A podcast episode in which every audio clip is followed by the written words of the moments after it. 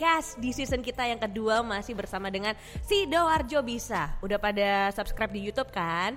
Sidoarjo Bisa. Terus juga follow Instagram kita di @sidoarjobisa.id dan jangan lupa juga nih Spotify kita supaya kamu bisa ngedengerin full episodenya yang kemarin season pertama dan yang sekarang nih season 2 masih di podcast Millennials Pick Up. Kita tentu akan selalu meng-highlight ya orang-orang keren, anak-aanak muda keren, millennials millennials yang bener-bener bisa menginspirasi dari kabupaten kita di Kabupaten Sidoarjo. Kalau kamu cari di podcast lain mah nggak ada.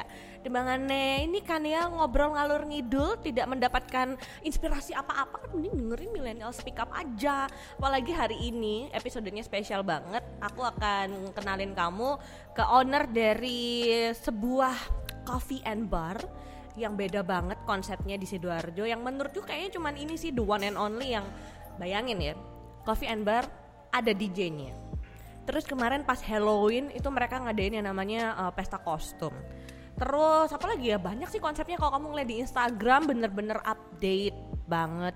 Instagramnya itu Instagramable ya. Feedsnya diatur dengan sangat rapi. Terus juga nih kalau kamu sering banget ikutan yang namanya kayak acara-acara komunitas tempat ini itu sering banget dijadiin tempat untuk pertemuan untuk meeting komunitas-komunitas yang ada di sidoarjo. Yuk langsung aja kita ketemu sama ownernya Emiko Coffee and Bar. Ada Mas Farid. Halo. wah apa kabar Mas? Uh, baik baik baik. kita tos virtual dulu. Tuk. Ini Mas Farid ini aku mengenalmu sejak berapa tahun ya Uh, 2011 ya? 11 2010 eh, 2011 satu dek hampir satu dekade hampir lah satu- ya hampir 10 tahun. kita kenalannya di mana mas waktu itu mas waktu itu Eh, kamu BBM aku kan di zaman BBM ya Tolong jangan membuat fitnah ya. Enggak, uh, dulu kita uh, teman satu organisasi sih tepatnya ya dulu. uh, masih ingat kan? Oh, masih masih Iya. aku masih dianggap nggak ya di organisasi Oke. tersebut Saya aja udah lupa. jangan gitu dong Enggak, enggak. uh, dulu kita teman satu organisasi, jadi awal mula ketemunya di organisasi tersebut. Salah namanya uh, Parpas, salah satu organisasi kepemudaan di Sidoarjo. untuk nyebarin apa itu mas Uh, uh, dulu sebenarnya anda sudah tahu ya kenapa tanya saya lagi? nggak nggak nggak, dulu dulu jadi kita tuh satu organisasi namanya Parpas Paguyuban Remaja Peduli Ed Sidoarjo waktu itu aku masih SMA Ya. Mas Farid ini adalah senior aku Betul. lah dala aku lulus SMA ketemu lagi di Iya, kampus dia junior saya. iya kita satu kampus lagi Satu kampus lagi, tepatnya di di mana yo yang Iya. kemarin viral ya nggak usah disebut iya. Tit. tit ya nanti ospek marah-marah nanti Iya. nggak boleh gitu Sabuknya ya. mana sabuknya? sabuknya nggak pakai ini soalnya perutnya terlalu besar eh ngomong-ngomong apa kabar Mas Farid Uh, Alhamdulillah baik, uh, sehat seperti yang anda lihat, Mhm. ya kan? tak berubah ya Iya, menunjukkan kemakmuran ini. pemakmuran mungkin biasanya kalau bos tuh apa ini aku penasaran banget ya Ya. apakah bos itu memang selalu badannya sebugar ini ya itu menunjukkan sebuah kesuksesan Iya, ya uh, sebenarnya uh, saya highlight dulu bugar itu supaya halus ya. Iya. Iya. Kalau bos nggak selalu kayak gini sih, kebetulan saya aja yang uh, ini ya lagi aktif-aktifnya makan. Aduh. Iya. jadi seperti inilah bentuknya. Oh gitu. Iya. Soalnya kok mengingatkan saya sama Om yang waktu itu. Oh. Om yang ketemu di kafe. Oh, iya, iya, iya, iya, Kan iya, iya. pas MC Iya. atau pas apa. Eh, setelah itu Setelah itu iPhone 12-nya belum keluar. Oh, oke, Jadi oke, belum oke. dikasih, makanya saya cari-cari mana Iya. sih Om ini. Iya, Gitu. ditagih terus aja. Nah gitu nggak Iya. ada. Eh, tapi hari ini kita mau nagih Mas Farid ya untuk nanya-nanya ngobrol-ngobrol seru seputar Emiko Coffee and Bar dan perjalanannya Mas Farid ini menjadi seorang bos cie, Iya. owner dari Emiko Coffee and Bar yang ini lokasinya di mana Mas? Eh, Jalan Kombes Pol M Duriat nomor 42, eh, persisnya di eh, eh, dekat Polres Rama. Polres Rama yang sekarang udah jadi Satlantas Sidoarjo. Oh benar ya pokoknya langsung aja lihat di depan ada tulisannya Emiko terus warnanya eh, hijau dan so homey banget kayak gini adalah Emiko Coffee and Bar. Ini udah berdiri berapa tahun sih? Eh, hampir 2 tahun ya, kita berdiri Januari 2019. Jadi kalau Januari tahun depan ya kita udah 2 tahun. Udah dua tahun ya. Waktu itu aku sempat ngemsiin acara Ya, openingnya juga ya. eh, Kak Bian nih sering banget bantu-bantu di sini mulai MC acara opening. Ngepel-ngepel. Iya, antar Nyaputin rumput di depan. Iya, heeh, Parkir. iya. Keluarga Emiko juga loh Keluarga ini. Emiko Iya, juga. Siap, siap. tapi kenapa sih namanya Emiko? Itu nama apa? Eh, pasangan? sih. Mantan? Sebenarnya kan eh, nama adalah bagian tersulit dalam membuat sebuah usaha menurut saya mencari sebuah nama. Oke. Jadi eh, a- mau alasan yang filosofis atau yang gimana nih? Ada banyak sebenarnya. Yang filosofis yang Nah, kalau eh, Emiko sendiri kalau secara filosofis itu eh, bahasa Jepang itu biasanya nama yang diberikan kepada anak perempuan yang artinya terberkati, selalu tersenyum, eh, membahagiakan orang lain, kemudian eh, selalu beruntung. Jadi Oh, gitu. eh, artinya positif semua, makanya saya pakai nama itu. Kalau yang non filosofis? Eh, biar murah aja kalau pesen neon box, karena kan hurufnya sedikit. Hurufnya sedikit Iya, ya. Iya benar-benar kan juga. dihitung per kata kan. Dihitung per iya. kata, eh, ya. dihitung per huruf kan. Per huruf. Iya. Dan ini udah jalan 2 tahun. Dua tahun. Apa yang bikin uh, Mas Farid alasannya ngebikin apa ya Emiko Coffee and Bar ini yang mana kalau kita Hmm. tahu di Sidoarjo udah banyak Iya sih. Kafe. Eh, dulu waktu saya bangun belum sebanyak sekarang ya. Iya. ha, ha. Memang perkembangannya cepat sekali eh, dunia F&B di Sidoarjo. Kalau ditanya alasannya kenapa, eh, jujur karena saya suka. Jadi dulu pekerjaan saya itu nggak punya kantor. Kantor saya biasanya di kafe atau meeting selalu di kafe. Makanya saya merasa bahwa kafe eh, ya nyaman aja tempatnya jan- dan saya ingin punya yang kayak gitu, istilahnya seperti itu. Jadi berawal dari sering ngantor di kafe, Yaps. jadi pengen punya kafe sendiri. Iya. Emang dulu bentar ya, setahu aku ya eh, dulu-dulu si Sidoarjo aku kasih tahu Mas Farid ini kan kayak tadi aku bilang dari SMA aku tahu beliau Iya. ada seniorku. Kuliah kita jurusan psikologi barengan. Iya. Terus waktu kuliah kayaknya kita lulusnya sama ya, padahal ada senior saya. Mm-mm. Ya kan saya ini ya eh, lebih mendalami. Oh, lebih mendalami Iya. sebuah ilmu. Iya. Waktu itu sibuk kerja apa? Sibuk kerja lebih tepatnya. Di Jadi bidang apa? dulu saya kerja di bidang kontraktor, tepatnya di bidang eh, power plant. Jadi Hmm. tempat saya dulu membangun pembangkit listrik untuk PLN. Dan itu nggak di Jawa kan? Enggak, enggak, enggak. Waktu itu kebetulan saya ditempatkan di di seluruh Indonesia muter-muter mulai dari Sumatera, Kalimantan dan kawan-kawannya gitu. Nah, terus akhirnya sekarang bikin bisnis F&B kan kayak Hmm. mungkin dibuat kita ya kalau dulu-dulu dengerin kok nggak linear sih? Hmm, kuliahnya psikologi. Pas lagi kuliah kerjanya bidang kontraktor. Keliling Hmm, Indonesia. sekarang bisnis F&B Mm-mm. apa yang ngebikin mas untuk apa ya kayak ah yaudah deh aku terjun beneran nih di F&B padahal kan Hmm. kalau di kontraktor kan duitnya banyak. Kan Iya, yang banyak duitnya bos saya bukan saya. Iya. Ya. Eh, kalau ditanya sih sebenarnya balik lagi ke salah satu eh, prinsip yang saya pegang kesempatan nggak datang dua kali. Makanya dulu ketika saya kuliah kemudian eh, saya dapat kesempatan untuk bekerja lebih awal daripada teman-teman, saya ambil kesempatan itu. Apa pun pekerjaannya. apa pun pekerjaannya oh berarti waktu kuliah sempat nggak bu apa maksudnya kerjaannya banyak ya nggak cuma kontraktor waktu itu? eh ya sempat beberapa kali jualan apa jualan apa gitu kemudian jadi ke kontraktor itu Eh, ya sampai akhirnya eh, sel- mungkin saya kerja eh, di kontraktor dari 2012 2019 per eh ya 2019 pertengahan saya resign untuk membangun Emiko ini Oke, jadi udah difokusin ya Ya. dari 2012 ke 2019 ya itu dari awal aku kuliah dong sampai Eh, saya eh, aku semester 5 semester 5 kan. semester 5 gitu udah mulai kan. kerja ya Terus sampai akhirnya fokus ke F&B ini. fokus ke F&B Oke, sebelum kita ngomongin perjalanan karirnya Mas Farid juga Hmm. nih, kayaknya di depannya ada yang menggiurkan nih. Mm, silakan Boleh ya, aku Boleh, cobain boleh, ya. boleh. Ini ini apa nih Mas Farid? ini eh, Choco Black Forest jadi Black Forest. eh, Kamu kok tahu sih aku tuh suka coklat-coklat? oh iya dong Kasih ya.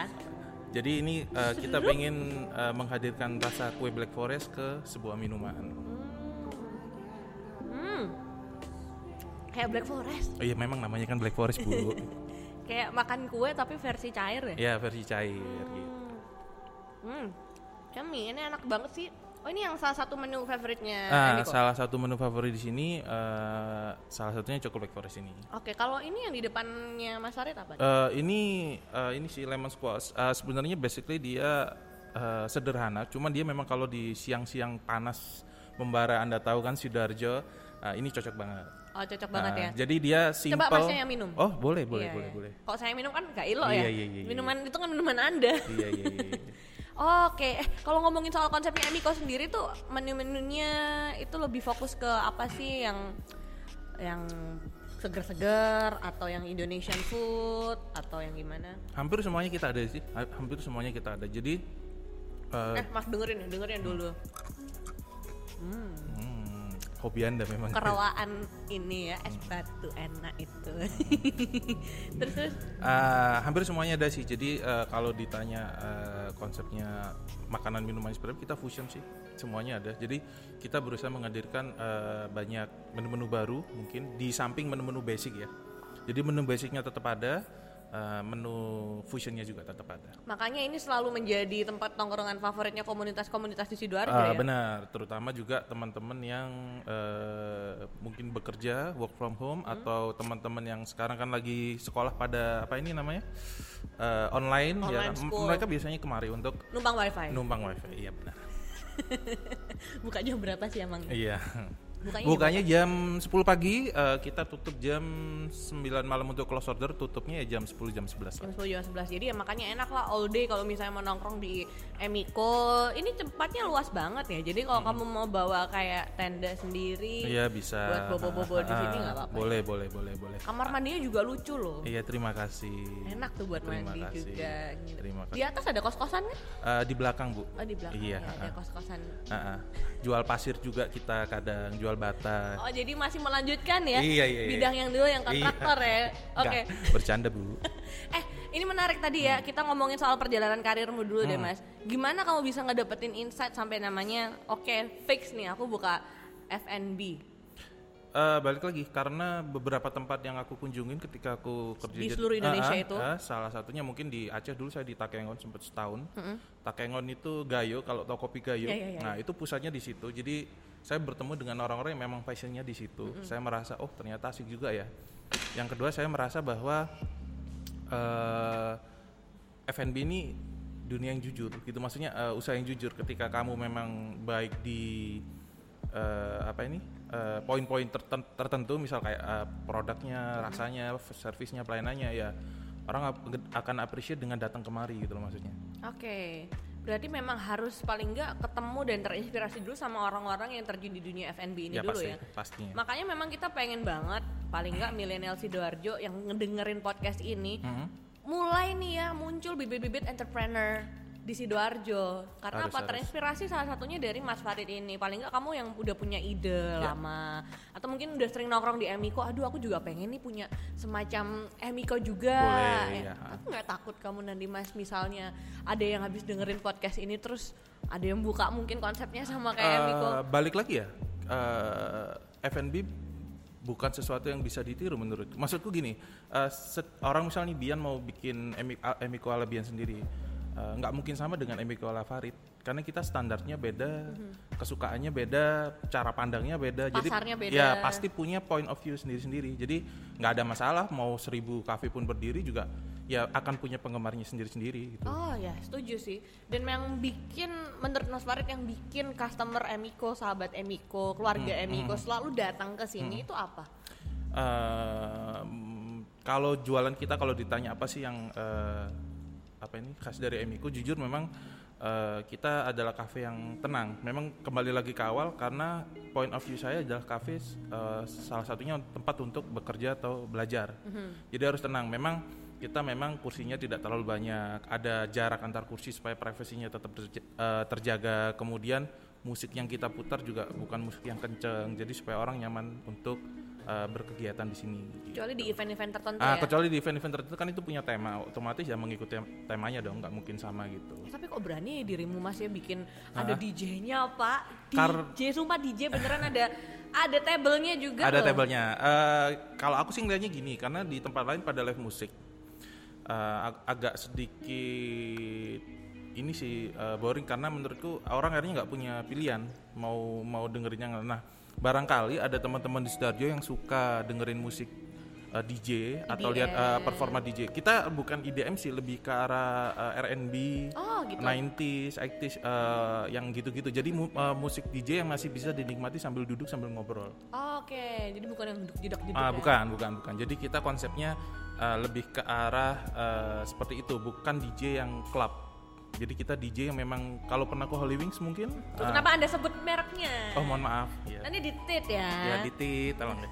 Kalau anda pernah ke tit, ya kan, Nah, seperti itulah. Ah, Oh, Oke, jadi konsepnya memang uh, musik-musik R&B yang Ah. easy listening tapi di mix uh, ala DJ gitu Yaps, ya. ya. Waktu itu tanggapannya gimana? Karena ini Ah. jujurnya cuman Emiko loh Ya. yang ada DJ. Hmm, tahu kalau abis li- podcast ini muncul 50, nanti ada 50 lagi. ya. 50 50 dalam arti kata balik lagi terkadang eh, sebenarnya sebag- ada sebagian besar customer kita itu keluarga. Jadi ada kalanya kadang mereka datang bawa anak-anak. Ada yang eh, bukan nggak setuju lebih mereka ngomong sayang sekali eh, konsepnya seperti ini kemudian musiknya DJ tapi balik lagi ada juga yang oh aku baru tahu ada yang DJ di sidoarjo dan bisa dinikmati. Biasanya mereka mainnya ke Surabaya kalau mau yang dengerin Iya. seperti itu gitu. Ya balik lagi kita yang pertama otomatis kita mengedukasi pasar. Jadi nggak ada masalah ada pro kontra sudah biasa. Tapi gimana mas? Pasti kan yang mereka yang nggak suka yang 50% itu kan pasti kayak ah keluar ah nggak usah di Emiko ah. hmm, mereka ngerti dong. Kita kan kita pun ya DJ pun cuma seminggu sekali. Cuma hari Sabtu doang jadi mereka kalau nggak mau dengerin DJ ya tinggal datang lebih pagi karena DJ-nya kan mulai jam 7 pa, eh, 7 malam sampai jam 9 malam Oh, Oke. Eh, kalau mereka nggak mau dengerin DJ ya bisa datang lebih pagi atau di hari yang lain atau mungkin ya rezekinya tempat lain gitu aja Jadi nggak masalah ya. nggak masalah karena memang harus ada pilihan yang diprioritaskan Menghadapi kehilangan customer itu kayak gimana ya? Hmm, wajar sih kalau saya bilang di dunia usaha F&B terutama ya. Karena balik lagi yang tadinya ketika saya bangun ini paling cuma bisa dihitung jari kafe di Sidoarjo. Sekarang mungkin jari saya udah udah nggak cukup buat ngitung kafe jadi balik lagi eh, contoh customer saya tidak mungkin nggak mungkin tujuh hari ke sini terus. Pasti dalam tujuh hari mungkin dua hari atau tiga hari dia nyoba tempat lain. Nggak nggak masalah tapi kalau memang dia nyaman ke tempat kita pasti balik lagi gitu maksudnya. Jadi nggak ada masalah eh, customer pindah ke tempat lain nggak ada masalah. Karena eh, biasanya mereka seperti itu kan untuk membandingkan.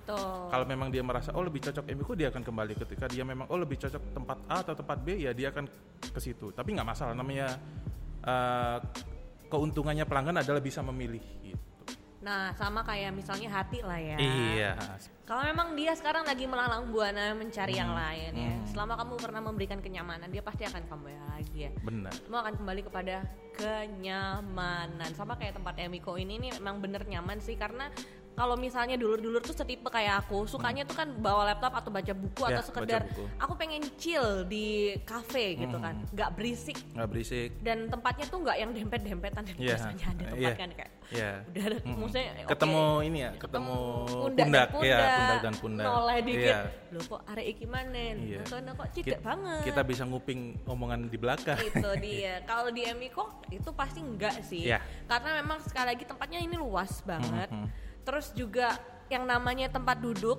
Mm. sebelum PSBB aja udah berjarak Iya sebelum PSBB udah berjarak.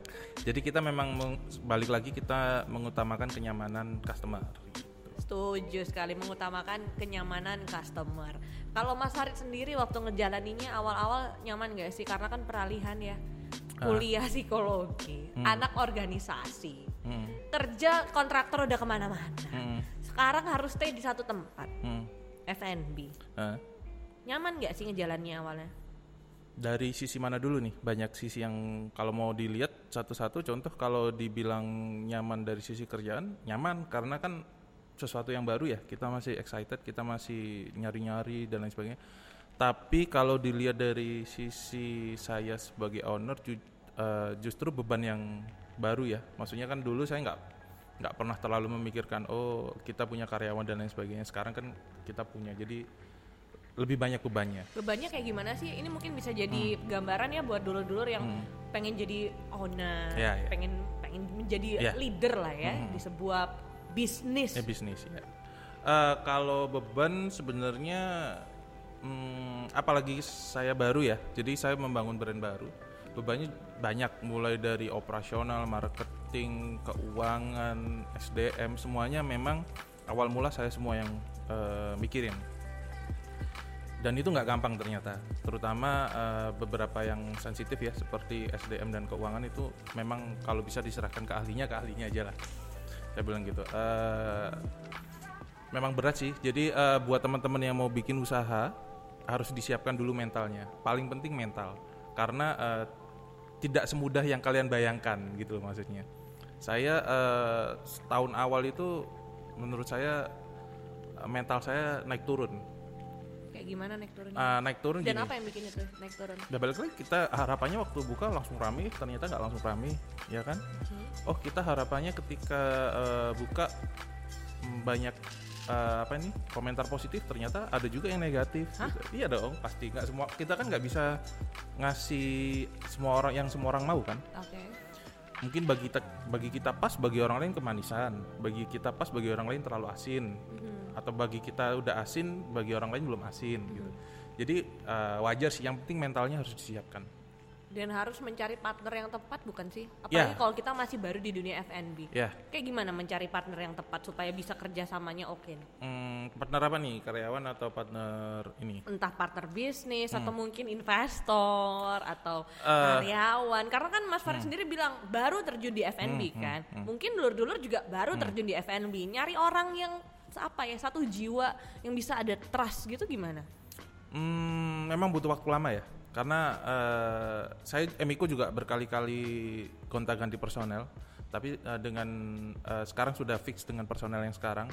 Ya memang jelas kita harus terus menanamkan visi misinya Emiko dari awal supaya dia tahu oh ini Emiko mau dibawa ke sini nih sama eh, bosku istilahnya seperti itu. Jadi dia tahu harus ke mana gitu biasanya. Mhm. Kalau misalnya yang kayak ada kan kerja sama temen Mm-mm.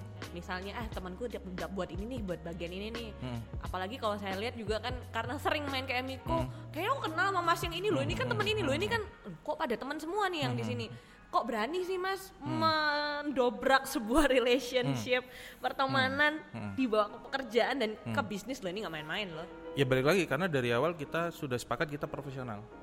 Di awal sudah kita tentukan, misal gimana gimana caranya mas buat kerja oke sama nih misal sama sama Bian ya harus jelas di depan dong. Mhm. Mulai dari salary, job disknya, targetnya, semuanya harus jelas di depan. oke Dan kita harus eh, sama-sama mengerti bahwa ini pekerjaan. Ketika kita misal berantem di, keper- eh, di pekerjaan ya nggak boleh dibawa ke pertemanan. Misal kita meeting nih, selesai meeting, kita misal di, di meeting kita debat nih, bla bla bla, bla, selesai meeting sudah selesai masalahnya, temanan lagi gitu. Jadi nggak nggak terlalu yang kaku-kaku gimana gitu. apa karena ini temennya kebanyakan cowok semua ya Iya mungkin ya. kalau ada aku mungkin atau ada Iya. cewek nggak tahu ini ini, ini bukan. Hmm. berarti bawa-bawa gender atau apa ya atau mungkin ini juga ada kaitannya sama lamanya pertemanan atau gimana Hmm, enggak juga sih. atau memang karena nggak boleh baper satu sama lain Ya, menurutku itu sih nggak boleh baper harus profesional dan yang penting harus jelas di depan semuanya. Nggak boleh ada kata-kata gampang kita pikir nanti itu haram di sini. karena kamu temenku gitu Iya, nggak nggak ada seperti itu. Justru karena kamu temanku, kita harus jelas semuanya di depan, biar kita nggak ada berantem di belakang. mulai dari fee dan lain-lain Semuanya ha, harus deal di depan. Nggak boleh ada gampang udah nanti aja. Itu yang biasanya membuat kita nggak jelas ke belakangnya. ah itu ya ternyata memang harus ada istilahnya kayak hitam di atas putihnya Hmm. Ya, gitu atau ya gentleman agreement lah istilahnya. Yes, harus ada agreement di awal kalau memang kamu mau ngajak temen untuk kerja bareng ya. Ya, mm. Apalagi kalau untuk yang namanya bikin bisnis F&B, Mm. punya tempat segede ini tuh kan pasti nggak dikit dananya kan.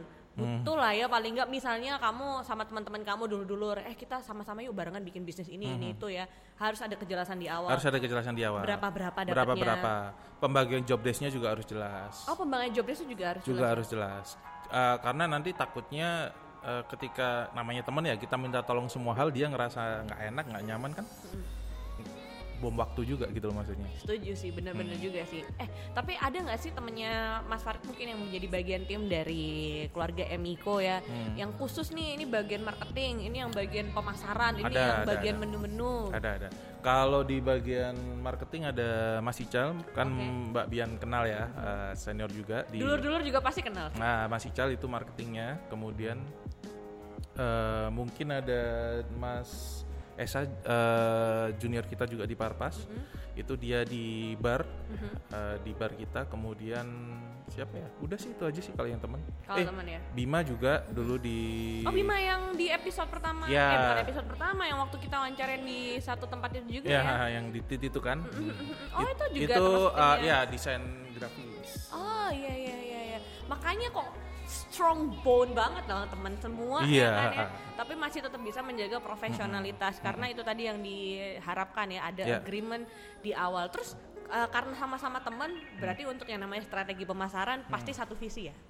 harus uh, tapi visinya kan ngikutin saya Kayak gimana tuh contohnya? Misalnya aku pengen tahu nih untuk untuk strategi pemasarannya Emiko sendiri. Kalau aku jujur, aku suka banget sama Instagramnya sih. Iya, ha. Eh, strategi, strategi pemasaran sih sebenarnya kita apa ya kasarnya itu ngomong eh, agak sombong sih karena kita nggak pernah ada Apa nih? wah ini Wah, salah satu kasih. menu andalan kita lasanya homemade kita bikin sendiri Oke oke oke. Ah, ah, silahkan sambil dimakan kalau mau Aduh saya nggak enak saya makan tapi Iya. kok saya habisin nanti. ya boleh silakan apa-apa. oke sambil aku ini ya cerita ya Iya aku cerita. Eh, jadi memang s- strategi marketing kita Hmm. itu kita menekankan kita mengedepankan kualitas.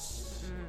Jadi eh, balik lagi eh, kita Makan kan ya silakan karena kita mengedepankan kualitas ya harga ya apa adanya gitu. Mm-mm. Karena kan kita juga pakai ba- bahan-bahan yang berkualitas juga.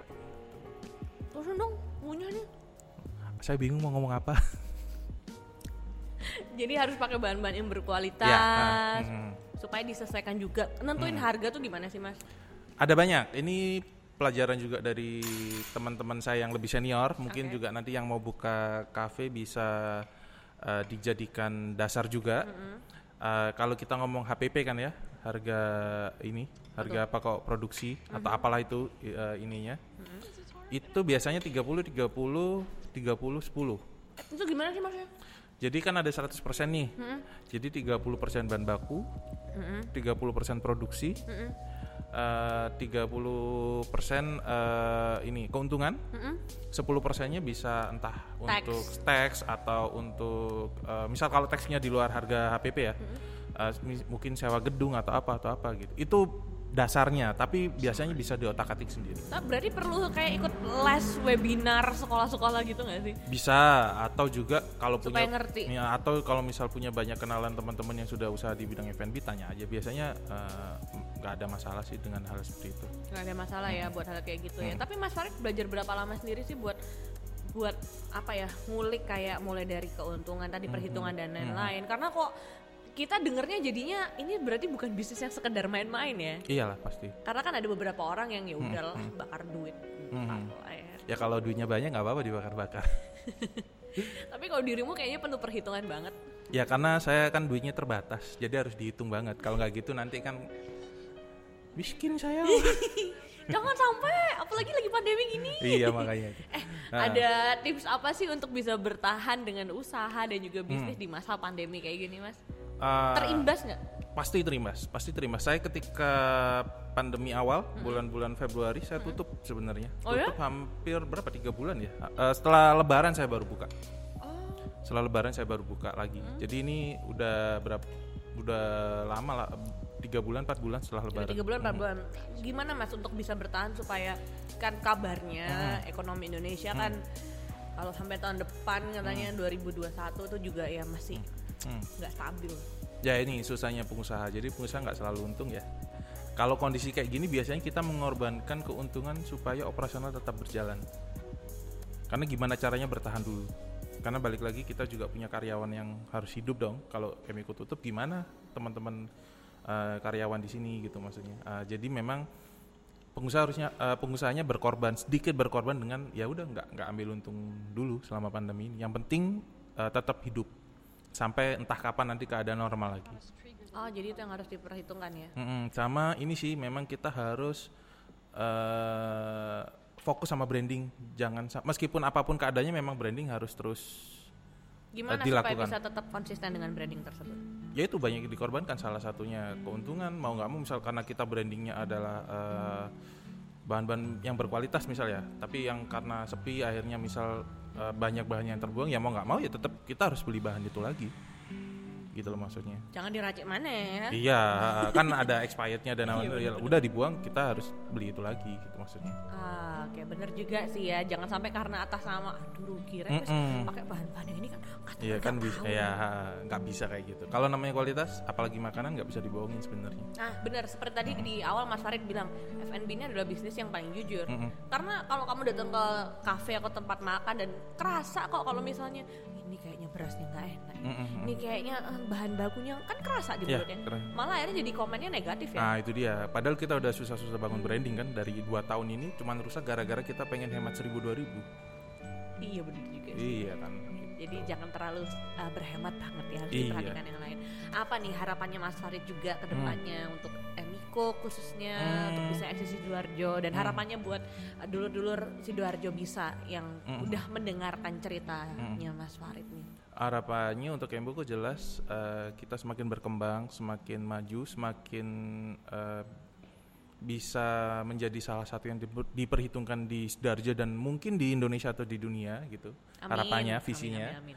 Eh, untuk teman-teman Sidoarjo Bisa. bisa, mm, yang ingin menjadi entrepreneur eh, jangan takut untuk melangkah mulai aja dulu itu kata-kata yang benar karena saya dulu juga seperti itu karena kalau nggak mulai-mulai berarti ya kalian memang sudah gagal di awal tapi kalau kalian mulai paling nggak ada 50% kalian kemungkinan berhasil Woi, keren keren keren. Bener bener bener Iya. ya. Jadi kalau abis dengerin podcast kita ini udah langsung terinspirasi, buka dulu di garasi rumah itu. buka dulu aja apa adanya dulu aja yang penting dicoba dulu Yang penting dicoba dulu Iya, ya. usaha nggak harus langsung besar Eh, bisa aja dibangun dari kecil Asik. Dan nanti akan semakin membesar seperti Mas Iya, Farid ya iya. dan tempat ini. terima kasih amin untuk teman-teman yang lainnya jangan takut memulai pokoknya Oke, wow, terima kasih banyak loh Mas Siap, Farid. terima kasih. SD owner, Emiko Coffee and Bar, semoga sukses. Ya, aku suka banget acara Halloween kemarin. Terima Kita kasih. tunggu acara-acara selanjutnya Siap. tematik lainnya ya. Siap, siap, siap. Valentine tahun depan, semoga bisa semoga saya datang ada pasangan. Iya. Tahun lalu belum ada ya? Tahun Tahun ini? Oke, terima kasih. Tahun depan?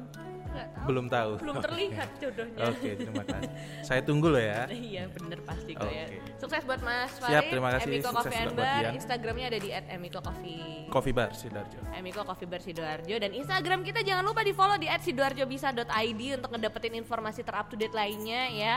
Dan buat dulur-dulur Sidoarjo juga jangan lupa untuk selalu nyalain loncengnya di YouTube kita di Sidoarjo Bisa dan di Spotify kita juga dong Millennial Speak Up by sidoarjobisa.id untuk Instagramnya, Spotify-nya, YouTube-nya pokoknya semuanya karena kita selalu mengharapkan untuk munculnya entrepreneur-entrepreneur muda di Sidoarjo dan kamu bisa ngedapetin banyak inspirasi ya. Kita ketemu di episode selanjutnya bersama aku Marina Berlian di Sidoarjo Bisa.